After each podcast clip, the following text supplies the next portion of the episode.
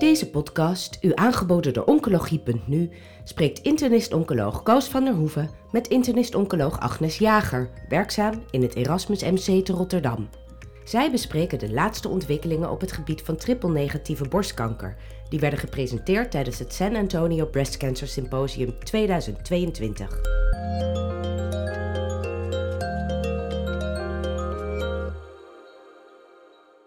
San Antonio dit jaar voor het eerst weer uh, live. Ook Nederlanders naar het congres geweest over het mammacarcinoom. En ik ga met uh, dokter Agnes Jager spreken, internist-oncoloog uit het Erasmus MC. Uh, met name over de triple-negatieve mammacarcinomen. Welkom Agnes. Goedemorgen Koos. Agnes, er is al jaren discussie over of je nou in de preoperatieve setting uh, bij patiënten met een triple-negatief mammacarcinoom of een platinum-derivaat daar nu noodzakelijk bij is. En sommige zijn voor, sommige zijn tegen, sommige studies zijn voor, sommige tonen het niet aan. In San Antonio was er een, grote studie die die vraag toch nog een klein beetje probeerde te beantwoorden. Kan je daar iets over toelichten? Uh, ja, inderdaad, was een neoadjuvante studie uh, die naast uh, de PCR-data op de lange termijn follow-up data toonde. Dat is wat belangrijk. En of een PCR-winst eventueel zich laat vertalen in op een overall survival of een disease-free survival winst. Dat was een Indiaanse studie, een grote studie, die eigenlijk letterlijk de, de vraag beantwoordde: toevoegen van carplatin aan het schema Docens AC paclitaxel, dat meerwaarde bood. Belangrijk is denk ik wel om toe te voegen dat het niet helemaal het schema is dat wij in Nederland hanteren. Ze hadden wekelijks carboplatin in een AUC van 2 uh, en de taxol werd gegeven in 100 milligram per vierkante meter. is net wat hoger dan wij normaal doen. En overal, als je doorrekent het aantal kuren wat ze gegeven hebben, kom je net iets minder uit op uh, de hoeveelheid carboplatin en paclitaxel die gegeven is. Ja. Maar los daarvan, um, uh, ook nog belangrijk, ze gaven geen capcitabine adjuvant. Dat is eigenlijk met de meeste studies zo die we tot nog toe weten. Dus als we naar langetermijnsprognosedata kijken, moeten we dat wel in ogenschouw nemen. Um, en wat belangrijk was, is dat het een, een hele ongunstige prognostische groep was. En er waren echt um, heel veel jonge vrouwen, heel veel stadium 3, veel mensen met meer dan um, N2 stadium. Dus dat was echt een high-risk populatie. Ja. En zij lieten zowel de PCR-data zien als ook de uh, event-free survival data. Ja. Um, en um, overal was de PCR wel uh, ietsje beter. En dat leek dan eigenlijk met name te zijn in de mensen onder de 50. Ze hadden de subgroepanalyse gedaan boven en onder de 50. En eigenlijk hadden ze dat niet van tevoren bedacht, maar dat hebben ze wel gedaan. Um, en datzelfde geldt eigenlijk voor de event-free survival. Die uh, nam wel wat toe, maar als je het opsplitste voor de 50 uh, jaar en jonger of ouder dan 50 jaar, dan zag je dat met name de winst zat in de mensen onder de 50. Ja. Het is wel dat het een niet geplande subgroepanalyse is, uh, kleine aantallen daardoor. En ja, eigenlijk zie ik biologisch niet helemaal een rationale waarom je dat zou doen. Maar goed, het is wel iets wat we mee moeten nemen in de resultaten daarvan. Um, dus al met al um, wel weer iets winst van de PCR door toevoegen van carboplatin. Um, uh, en ook wel enige winst van uh, event-free survival. Maar overal was dat beperkt en leek dat met name bij de mensen onder de 50. Toch was dit een hele grote studie. En we praten hier eigenlijk al twintig jaar over, misschien al langer. Komt er nou nog een keer een antwoord op of je nou platinum in deze groep moet gebruiken? Dus triple negatief, preoperatieve setting. Krijgen we daar nog een antwoord op? Of we moeten op, het, uh, op expert opinion afgaan? Is er eigenlijk een rationale? Waarom, waarom zou die platinum bij de triple negatieve patiënten zo goed werken? Ja, nou dat is aardig, want we gaan nog een andere studie bespreken die daar ook wel enigszins iets over zegt. We denken natuurlijk dat die platinum van toegevoegde waarde zou zijn bij die patiënten die tumor hebben die het HRD-fenotype hebben, de homologe recombinatiedeficiëntie, dat die verhoogd gevoelig zijn voor middelen als platinum. Uh, tot nog toe komt dat er maar heel schoorvoetend uit. In ieder geval bij de, bij de tumoren die extreem HRD zijn, namelijk de BRCA-mutaties, zie je dat helemaal niet. Dus die hebben eigenlijk juist geen winst van carboplatin. En is het de uh, vertaling daarvan dat de anthracyclines op zich genoeg is. Um, en als je alle uh, data tot nog toe op een rijtje zet en alle voor's en tegens, dan denk ik eigenlijk dat het allerbelangrijkste is dat we proberen een pathologische complete remissie te behalen. Want wat uniform is bij al die studies, wat voor schema je ook geeft, als je een PCR bereikt, dan doe je het echt substantieel beter dan dat je dat niet bereikt. Dus hoe je aan die PCR komt, dat maakt eigenlijk, lijkt het, helemaal niet zoveel uit. Maar als je hem hebt, dan doe je het goed. Dus eigenlijk moet je proberen te selecteren van tevoren wie dan die PCR krijgt. Ja. Nou, en dat is denk ik echt de uitdaging van ehm, ja, de toekomst. Want ja, misschien kun je hier en daar bij een stadium 2 of hoger de-escaleren. Als je al aanwijzingen hebt bij de doorgaans AC bijvoorbeeld, dat je het zo goed doet dat je een PCR krijgt. Ten opzichte van mensen die het niet doen. En dan moet je misschien nog wel veel meer of langer doorgaan. Ja, uh, laten we een overstapje maken naar de, de. Want de parpremmers, die, daarvan kennen we de betekenis in de gemetastaseerde setting bij patiënten met een triple-negatief mammacarcinoom. Maar wat is nou de betekenis als je dat preoperatief toepast? En dat je dat met name dan toepast bij patiënten die een homologe recombinatiedeficiëntie hadden. Daar ging de GEPAR-OLA-studie over. Kan je iets vertellen over de opzet van die studie en de uitkomsten? Ja, dat was inderdaad een studie die keek waarbij carboplatin al wel als een soort standaard uh, werd beschouwd. Waarbij gekeken is of je bij mensen die of een BRCA-mutatie hebben of een HRD-fenotype, en dat deden ze in dit geval op basis van de Myriad-test, de bekende Amerikaanse test daarvoor, waar van alles op af te dingen is, denk ik. Uh, maar los daarvan, dat was hun klassificatie voor een HRD-tumor. Dan hadden ze de vraag, kunnen we nou die carboplatin vervangen door olaparib, omdat dat middel is wat oraal gegeven kan worden en minder toxisch is. Ja. Um, ja, overal denk ik dat de resultaten uh, wat teleurstellend uh, waren. Als we beginnen met um, de overall groep, dan was er eigenlijk geen duidelijke verschil in PCR. Um, ehm, en uh, als je keek naar de in invasive disease-free survival, wat hun langetermijnsprognose was, dan zag je wel wat winst, maar dan in dit geval voor de carplatin. Ja. En um, belangrijk, hè, want het was een uh, fase 2-studie, een kleine studie, uh, dat ze nog wel exploratief gekeken hebben. Is er nou een verschil tussen die HRD-tumoren op basis van zo'n Myriad-test of op basis van zo'n germline-mutatie?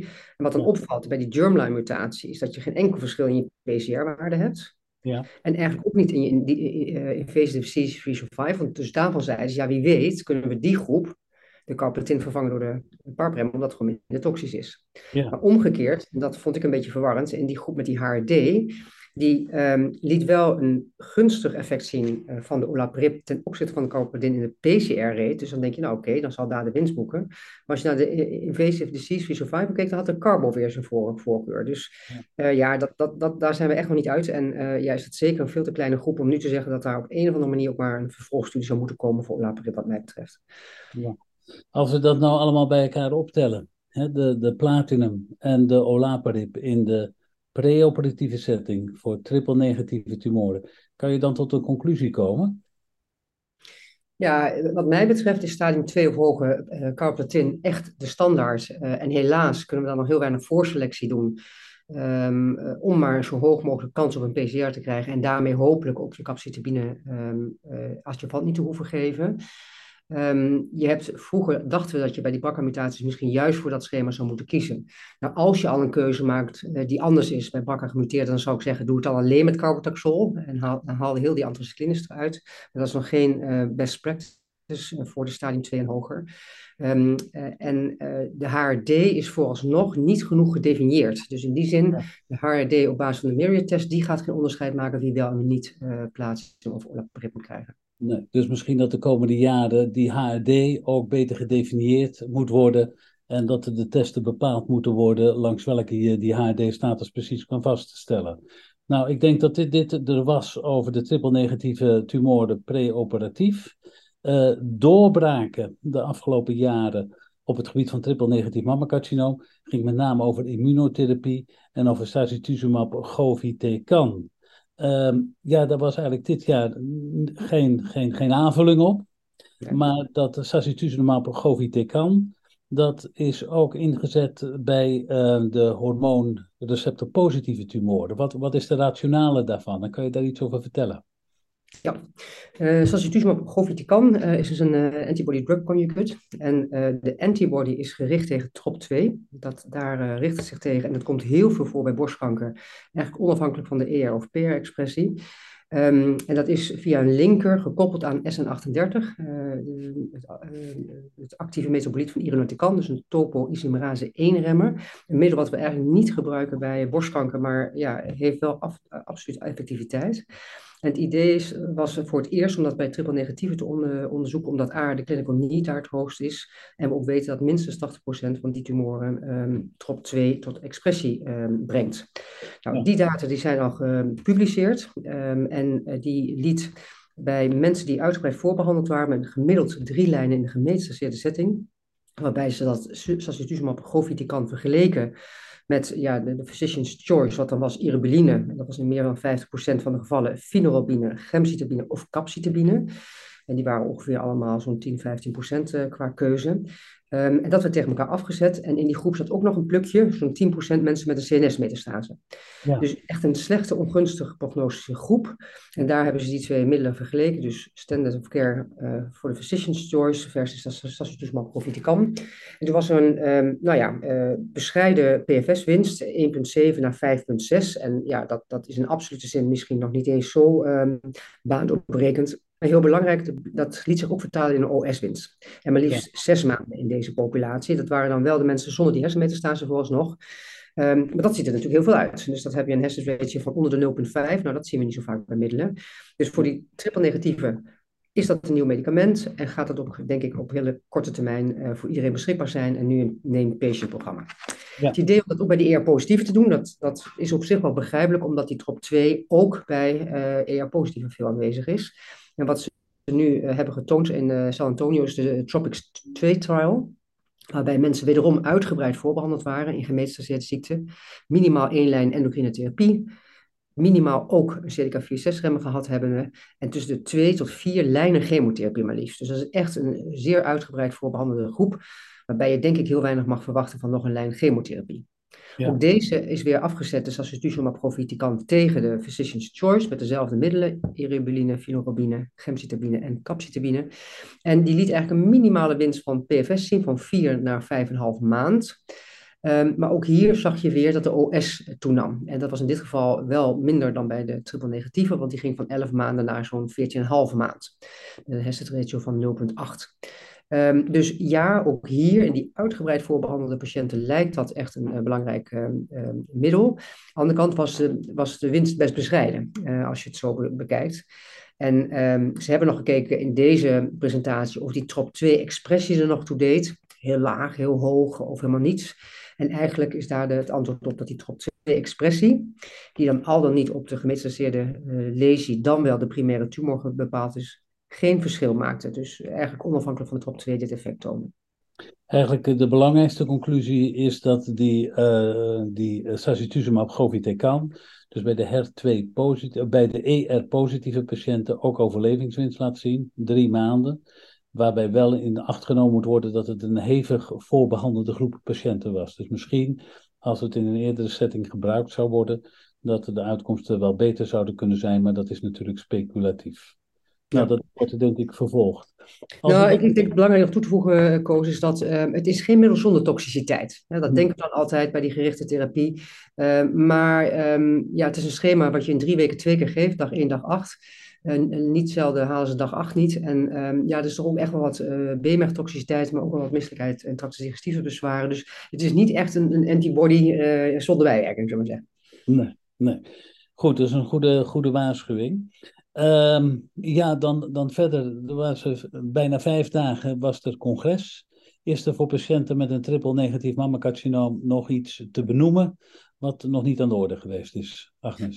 Inderdaad, dit jaar een bescheiden jaar voor de triple negatieve borstkanker. Ja, zo moet het dan soms zijn. Wat ik nog wel een aardige presentatie vond, is de, de presentatie van Turner, die gekeken heeft binnen zijn studie bij patiënten met uh, neoadjuvant adjuvant behandelde therapie of je door te kijken naar circulaire tumor-DNA, adjuvant, of je de mensen kunt selecteren die daar een verhoging hebben en dat je die dan actief gaat behandelen in de hoop de tumor met minimaal residuale ziekte te vinden mensen die dat recidief dus krijgen en dan de therapie te geven. Nou, zijn eerste resultaten waren negatief in die zin dat alle mensen waar hij dat ctDNA vond, ja, die hadden eigenlijk al gemetastaseerde ziekte. Dat hele kleine plukje wat dan nog niet gemetastaseerd was, uh, macroscopisch, ja, dat, dat was te klein om daar iets over te zeggen.